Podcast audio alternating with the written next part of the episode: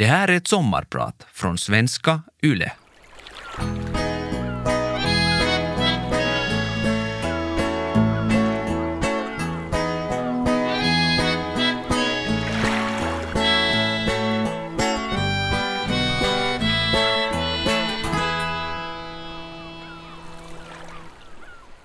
I ett sjukhus väntrum känner man sig plötsligt väldigt närvarande.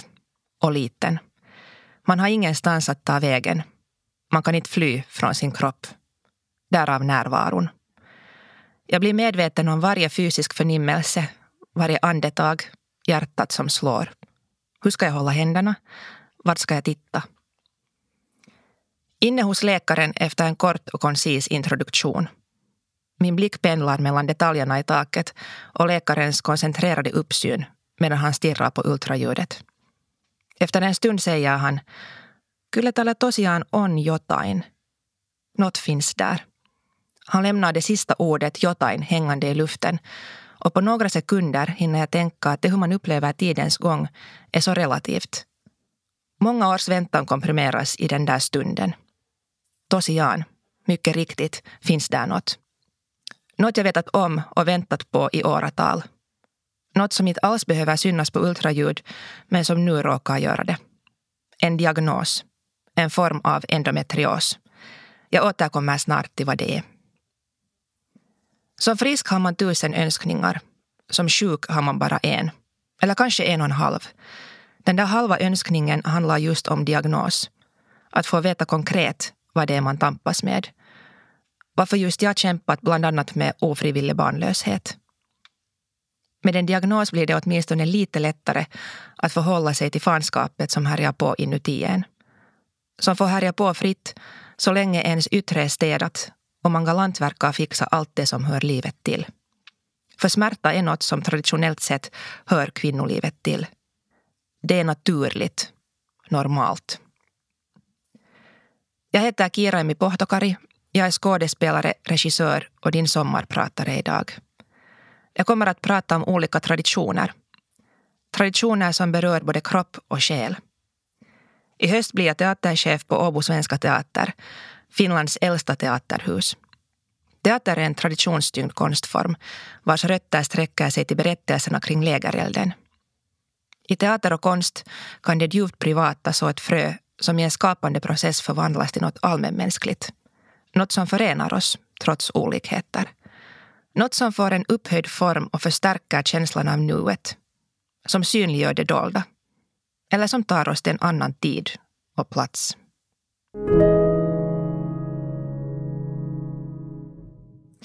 I höstas, vintras och våras medverkade jag i föreställningen Själarnas ö på Svenska Teatern i Helsingfors. Föreställningen baserar sig på Johanna Holmströms roman med samma namn. Berättelsen utspelar sig på mentalsjukhuset på Själö i den åboländska skärgården dit kvinnor i olika åldrar med olika diagnoser och från olika bakgrunder förpassas. Det de har gemensamt är att de inte passar in i samhället. Det finns inte en plats för dem eller hjälp att få.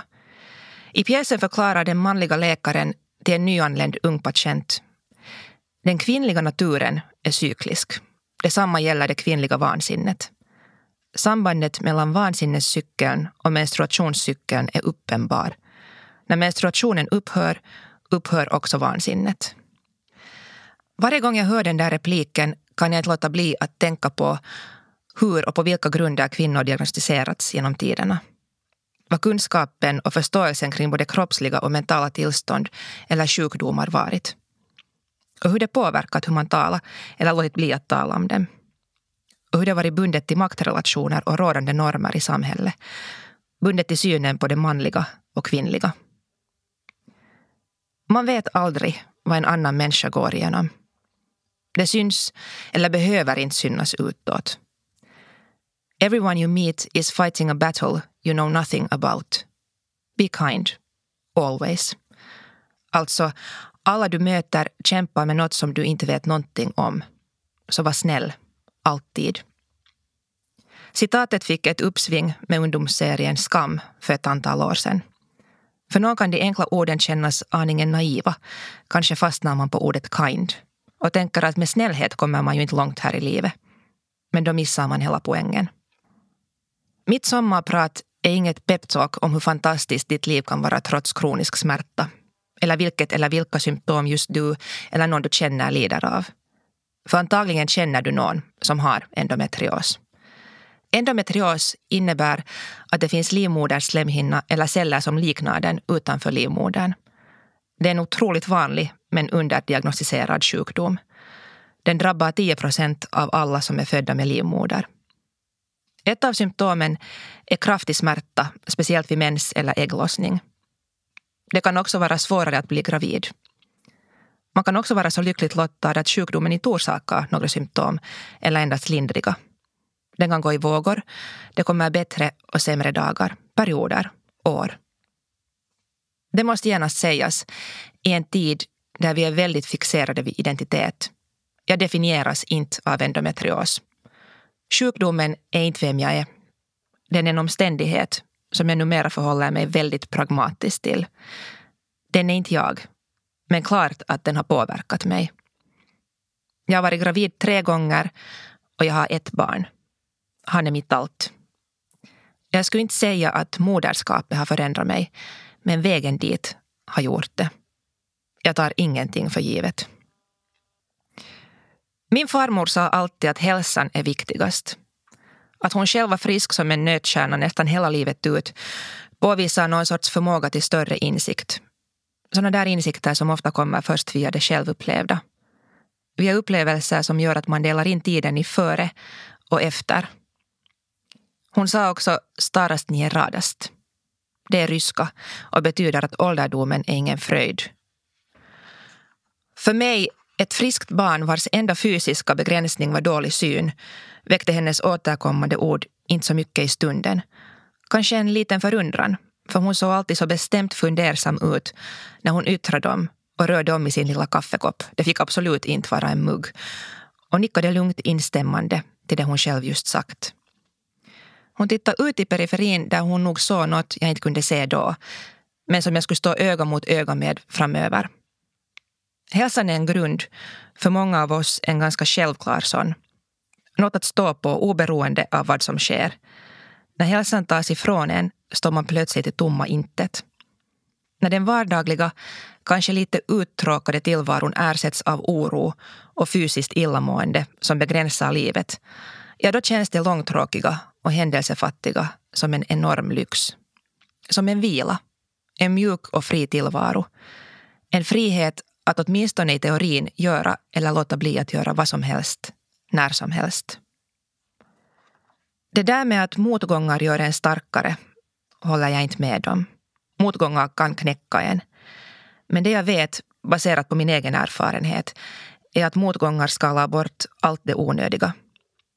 Så på det sättet har det gjort mig starkare. Det har stärkt konturerna, vem jag är, vad jag drömmer om, hur jag upplever tillvaron hur tacksam jag är för väldigt alldagliga saker. Som att bara kunna stiga upp på morgonen och dricka en kopp kaffe. De onödiga sakerna som skalats bort från mitt liv är bullshit och dolda agendor. Livet är för kort för dem. Men med det sagt, jag är passionerat intresserad av andra människor. Av hur olika vi kan vara och ändå rätt lika. Vi är ju inte så unika som vi tror. Vi är komplexa varelser fyllda av paradoxer och kontraster. Vi är ganska klyschiga typer, upprepar mönster och misstag. Kanske det är en orsak till varför vi behöver konsten. I konsten omformuleras och beskrivs det förutsägbara på olika sätt. Röster som kanske inte annars får plats gör sig hörda, bara man är mottaglig för dem. Jag ser det som en kärleksförklaring till mänskligheten att uttrycka, beskriva och försöka förstå vår tillvaro och vårt beteende, våra öden, vårt förhållande till varandra, oss själva och vår omgivning.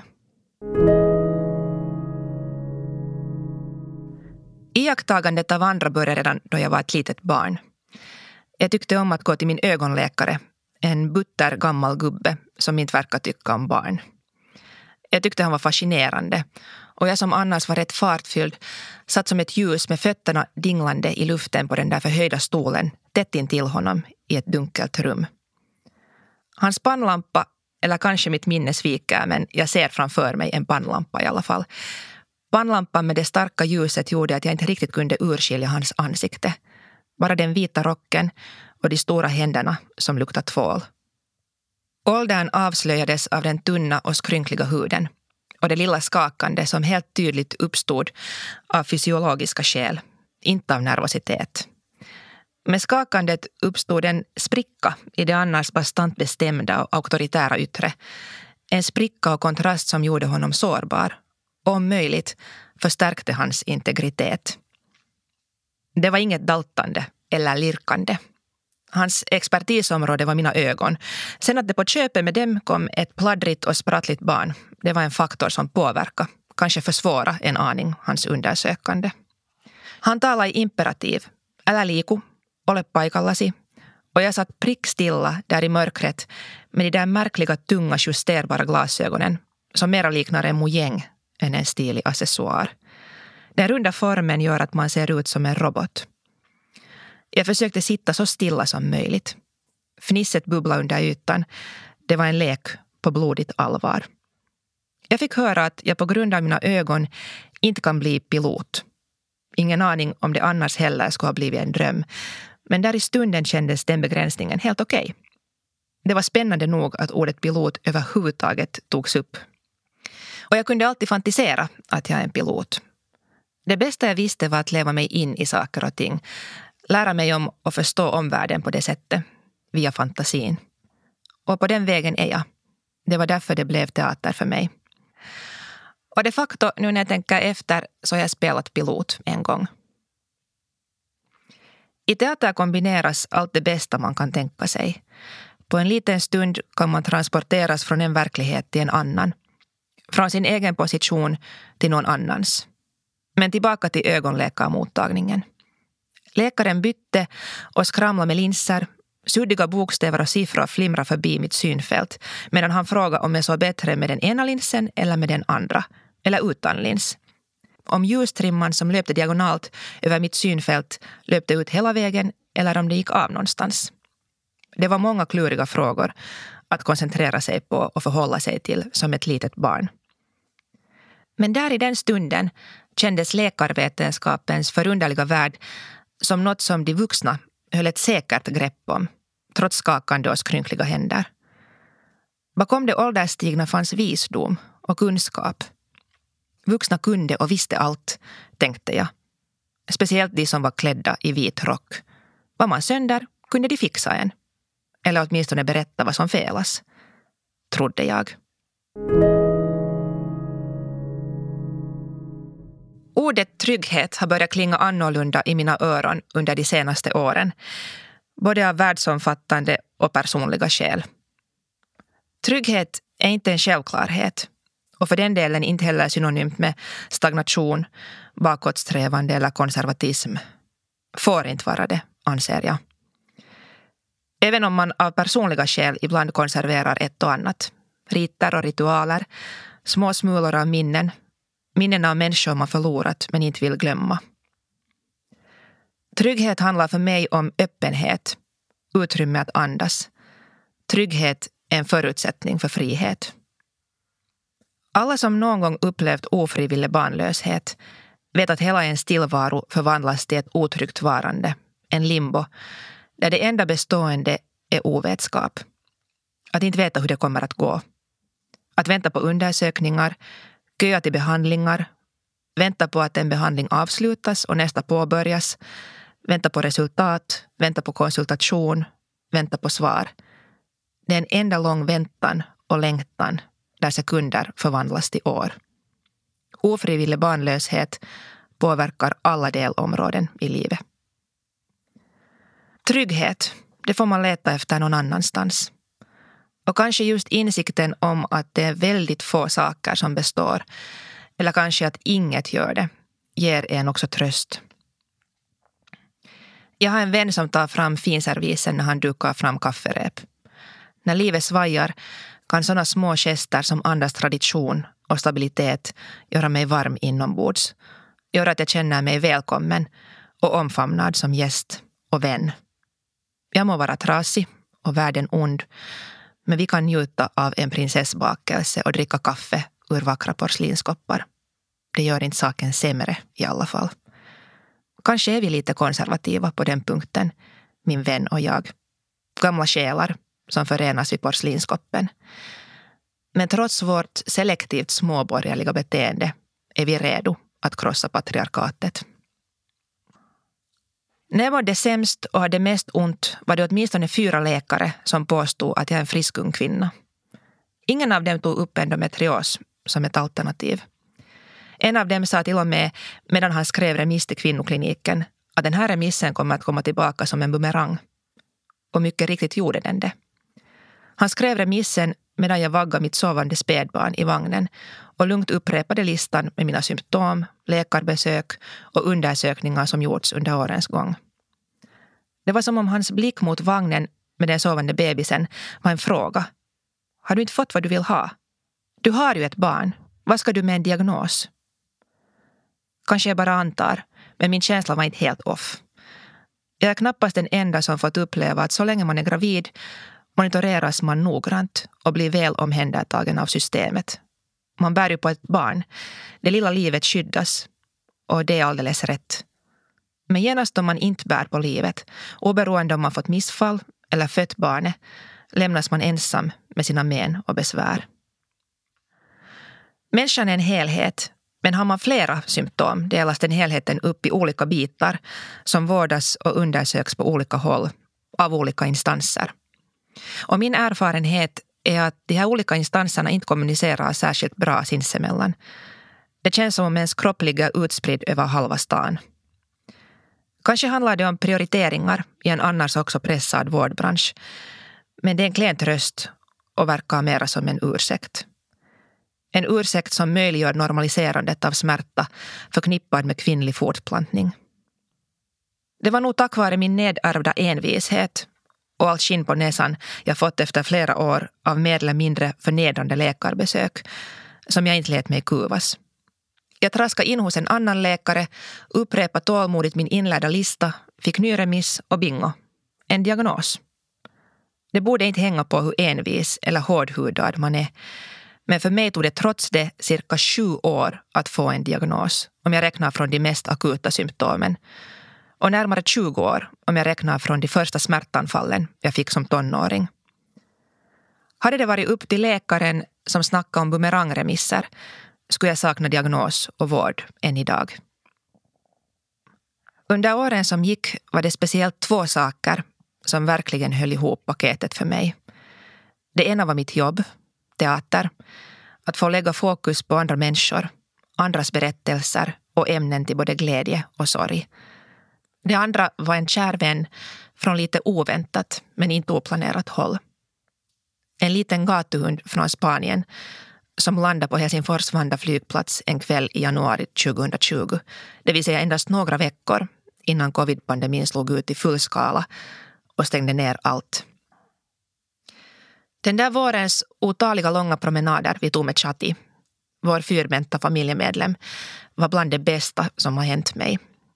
Vi gick och gick på skogsstigar som annars hade förblivit obekanta för mig. Vi satt på parkbänkar och såg på människor. Det något långsammare stadslivet som ändå tycktes rusa förbi. Vi såg på havet, solnedgångar och på våren som vaknade till liv. En hund kommer inte med välmenande men malplacerade råd. En hund ger sin fulla närvaro, mycket kärlek och många lärdomar. Jag gick en webbkurs vars tyngdpunkt låg på hundens agerande och reagerande när den möter andra hundar. Det talades om comfort zone och att lära sig nya saker. Det visade sig att det blev en kurs för hundägaren att handskas med sina skamkänslor snarare än att tygla hundens naturliga beteende. Säkert projicerar jag en hel del på den där känsliga lilla hunden med sina varma kloka ögon och sin hemliga bakgrund. Men faktum är att där satt vi bredvid varann, båda lite sekundavara och på lite olika sätt räddade vi varandras liv. Mitt namn är Kirami Pohtokari och idag sommarpratar jag om olika traditioner. När jag var 22 år gammal skrev jag ut mig ur den ortodoxa kyrkan som jag hade varit medlem i i hela mitt liv. Det kändes motstridigt att som feminist höra till en kyrka med gamla patriarkala anor. När jag sen under årens lopp var på både min fasters och farmors begravningar, både ortodoxa, så hände något i mig där jag stod i den välbekanta doften av rökelse och bivaxljus. Det var snarare en känslomässig än en logisk reaktion. Men jag insåg att en del av mig hör hemma här. Hur jag än gör och vad jag än tycker. Idag är jag igen medlem i den ortodoxa kyrkan. Jag är fortfarande feminist. Jag är tillsammans med en ateist. Ibland har man ett behov att sätta ord på saker och ting. Försöka förstå sig själv i förhållande till världen. Jag har funderat på om jag är agnostiker eller ortodox. Eller båda dera, vilket i sig är motstridigt. Sa jag redan att vi människor är komplexa varelser? Motsägelsefulla, icke fullständiga och i ständig rörelse, förvandling. Vårt barn är inte döpt. När han växer upp får han själv välja vem han är, vad han tror på och vilka traditioner han vill föra vidare. Om han gör det hoppas jag att det är traditioner som ger honom och hans omgivning trygghet och frihet. Kan hända att det för mig handlar om en kedja av generationer. En länk till mångskiftande ryska och östeuropeiska familjeband och släktrötter. Det skulle inte göra mig till en bättre människa att ta avstånd från mitt ursprung. På samma sätt som min farfar, som förfinskade sitt och vårt namn av förståeliga skäl för att göra livet lättare, för att slippa fördomar. Bogdanov blev Pohtokari. Inte heller gör det mig till en sämre människa att känna en viss grad av identifikation med det kulturella arv jag bär på. Jag vägrar att ge ensamrätt till det arvet åt människor med inskränkt människosyn. Vi har i alla tider rört oss över gränser, levt på båda sidorna av dem, talat flera språk. Vi människor är mångskiftande, precis som våra släktrötter. Ondskan i världen försvinner inte genom att vi sopar det förflutna under mattan. Tvärtom. Ondskan växer och mår bra av fördomar. Den 24 februari 2022 attackerar Ryssland Ukraina. Senare samma vår fyllde vårt barn ett år. Han hade på sig en tröja med texten “The future is ours”. En mening fylld av hopp. Men jag kunde inte låta bli att tänka på alla dem som berövat sin framtid, sitt hopp, på grund av en vansinnig invasion.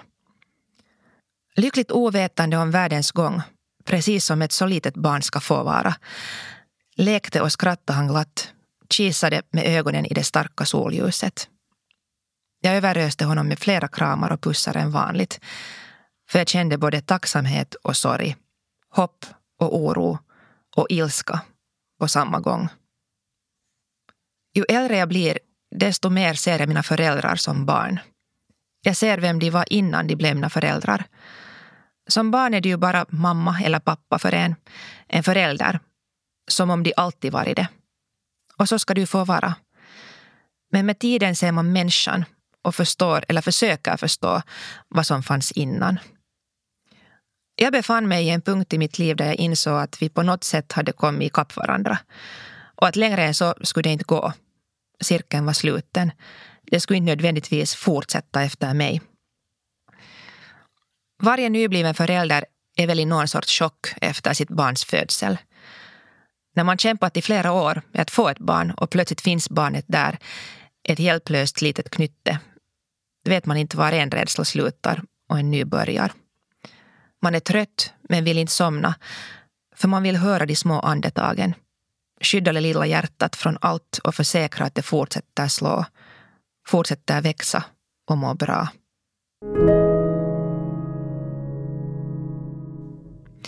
Jag har många gånger känt att min kropp svikit mig.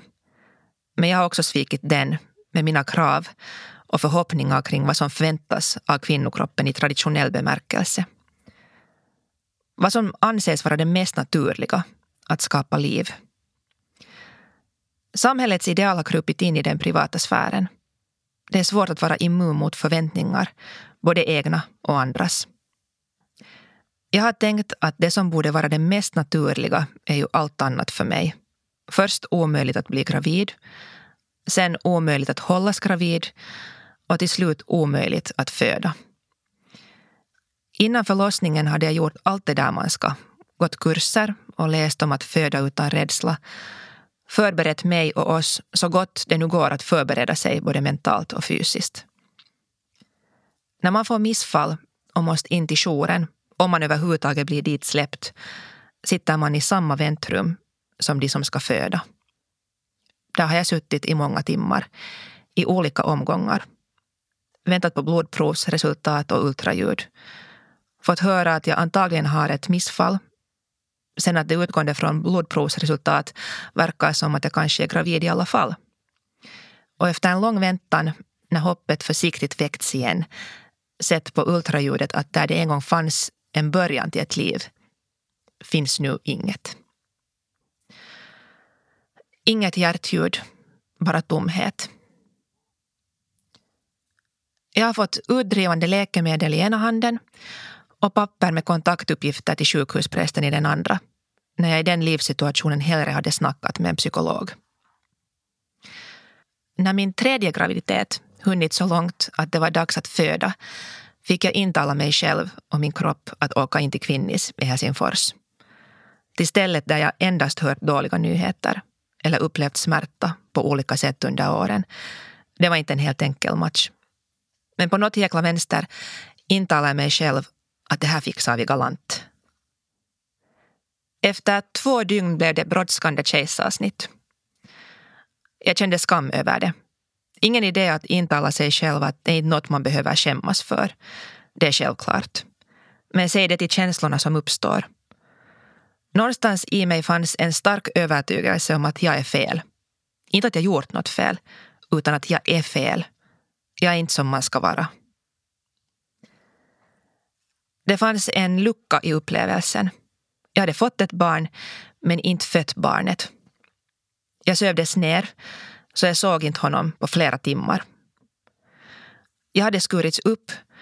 Han hade plockats ut ur mig, men jag var inte där. Inte vid medvetande, inte känslomässigt närvarande. Den omedelbara kärleken fanns inte där. Den hann inte med. Kärleken växte fram stor och stark längre fram medan jag lappade mellanrummet, övergången, i vilket mitt barn hade tagit sina första andetag och jag låg mörbultad i uppvaket. Mitt pragmatiska jag hade sett framför sig alla alternativ. Mitt pragmatiska jag kände tacksamhet över ett friskt och levande barn. Hudkontakten han hade fått med sin pappa. Det är väl jämställt så det förslår. Jag kan väl inte känna sorg för den kontakt de fick, men som jag gick miste om. Mitt känslomässiga jag hade ändå skapat en förväntan. Sett framför sig hur barnet läggs på bröstet, hört ett stort grattis medan kaffe och smörgås rullas in. Jag hade inga förväntningar på lyxsmörgåsar, nej. I min dröm eller fantasi var det sjukhussmörgåsar. Ni vet, lite osmakligt bröd med margarin och ost som torkat i kanterna men blivit vått av gurk och tomatskivorna. Och en liten kopp ljummet kaffe. Det var drömmen. Ett lugn. En oas att landa i efter en lång kamp. Bebis i famnen, sjukhussmörgås i handen. Eufori i en liten mjuk babybubbla medan världen utanför fortsätter som den gör trots nytt liv. För livet fortsätter, vad som än händer oss. Oberoende om vi känner att tiden stannar. För mig stannade tiden när min blick efter många års väntan mötte de där små ögonen och blicken som for genom mig och raserade allt. Den raserade alla barriärer jag byggt upp för att vänja mig vid och skydda mig från förlust och sorg.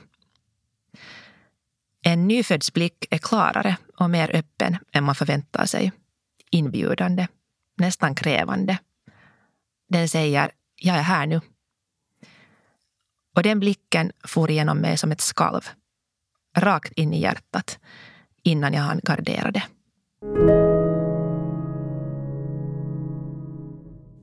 Under kristallkronans sken, bland rött sammetstyg och dekorativa detaljer i guld, kan det kännas som att tiden har stannat.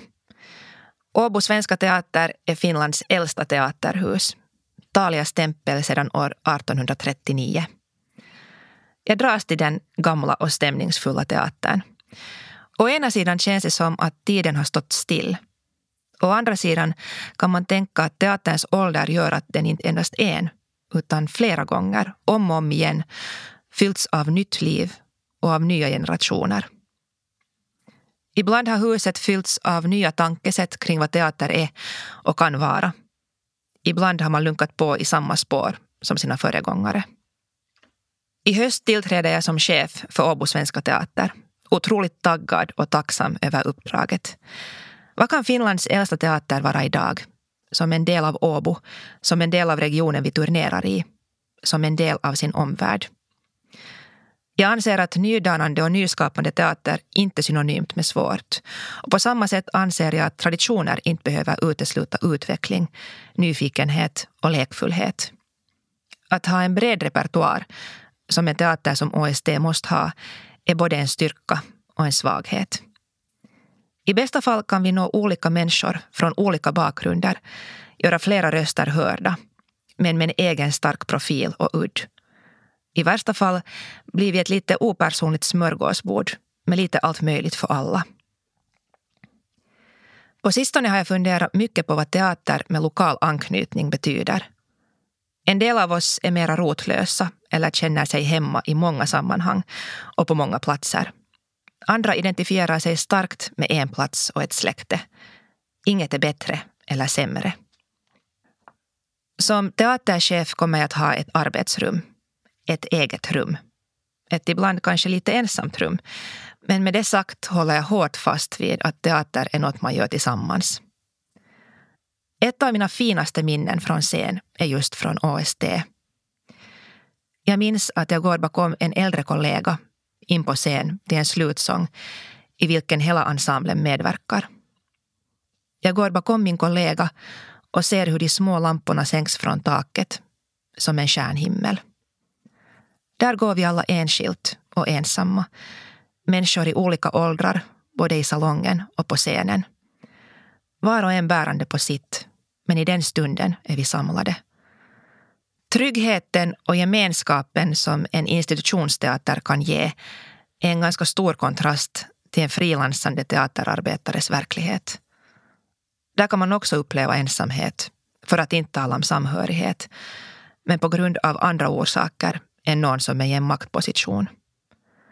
Som frilansare kan man flacka omkring från en arbetsgrupp till en annan, ofta bärande på en ekonomisk otrygghet i ovetskap om vad som sker nästa år eller nästa månad, nästa vecka i varierande konstellationer och arbetsutrymmen. Jag har jobbat med teater i snart 20 år, i nästan halva mitt liv. Först som regiassistent, sen som skådis och regissör.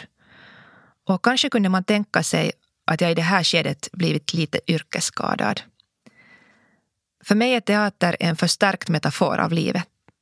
Det är att leva med alla sinnen öppna, med ett barns iver, fantasiförmåga och nyfikenhet inför det okända. Och visst, jag kan se det vardagliga i teaterjobbet. Rutiner blir rutiner, vad du än jobbar med. Och även om en teater kan kännas som ett andra hem så är det också en arbetsplats med sina spelregler och ramar. För att vi på ett hållbart och tryggt sätt ska kunna skapa tillsammans. Men trots det har teatermagin inte försvunnit för mig.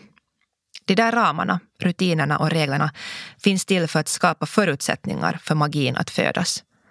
Ramar, rutiner och regler ska stödja, inte diktera konsten. När jag diskuterar med nya möjliga samarbetsparter, som regissörer, så frågar jag alltid vad är din drömlista? Vad skulle just du vilja sätta upp? För mig är kärleken till teatern självklar. Men jag har full förståelse för att det inte är så för alla. Konstens och scenkonstens relevans har debatterats de senaste åren. Inte minst på grund av covid-pandemin. Eller har den debatterats?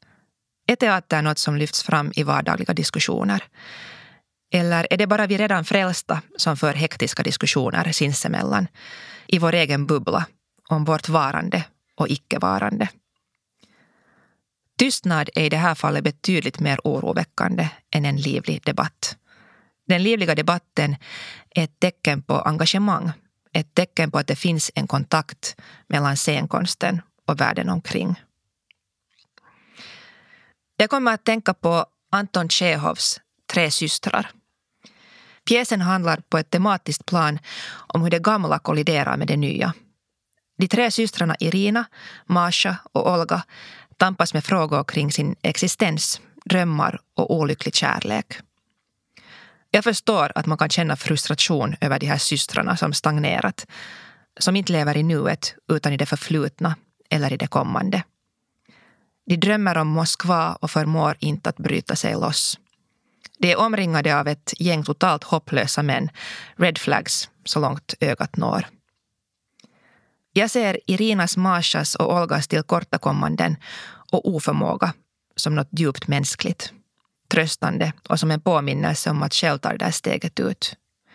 Bryta sig loss från snäva normer och könsroller, vad det nu kan vara som lägger käppar i hjulet för en. I vissa fall kanske man själv. Att ta ett steg mot drömmen eller göra något så radikalt som att släppa taget och ge plats åt något nytt, oväntat. Livet blir som det blir. Och även om det skulle bli som man hade tänkt sig så blir det ändå aldrig riktigt som man tänkt sig, om ni förstår vad jag menar. Vem känner inte igen sig i tankegångar om sen när? Sen när jag får det ena så löser sig det andra.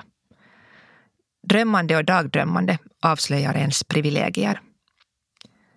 Tre systrar fungerar som en påminnelse om hur vi alla är en del av något större. Vi alla är en i mängden och vi är barn av vår tid. Olga säger Musikkåren spelar så lyckligt och hoppfullt. Och man vill leva. Det ska komma en dag då vi försvinner för alltid. Man kommer att glömma oss. Glömma våra ansikten och röster och hur många vi var.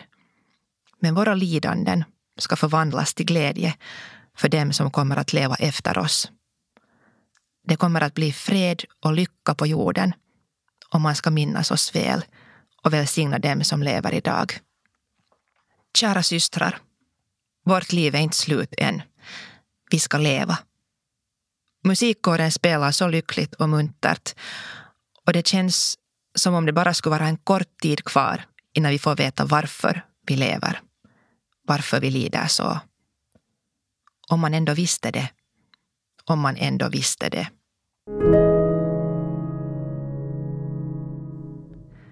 Intuition, kontraster och relevans är mina ledord som chef för Åbo Svenska Teater.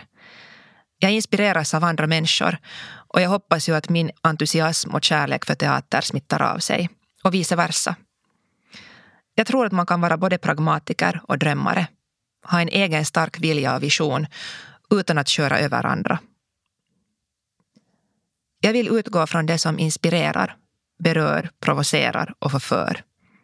Ta vara på den där gnistan, idén som man ser hos någon. Ta vara på gnistan och skydda den från att slockna på vägen från idé till föreställning. I jobbet som teaterchef kombineras det intuitiva med det långsiktiga, strategiska och medvetna. Jag heter Kirami Pohtokari och jag har varit din sommarpratare idag. Kanske vetskapen om att inget är bestående har gjort att jag formats till en människa som både vill hålla fast och släppa taget. Drömma stort med fötterna på jorden. Blicka framåt utan att helt glömma det förflutna. Jag är också mån om att inte bli alltför nostalgisk. Det både fina och förstås också obarmhärtiga med både teatern och livet är att just nu är det här. Men snart är det borta. Du har lyssnat på Vegas sommarpratare med Kira Emmi Pohtokari. Redaktör Thomas Lundin. Vegas sommarpratare görs av Parad Media för svenska YLE.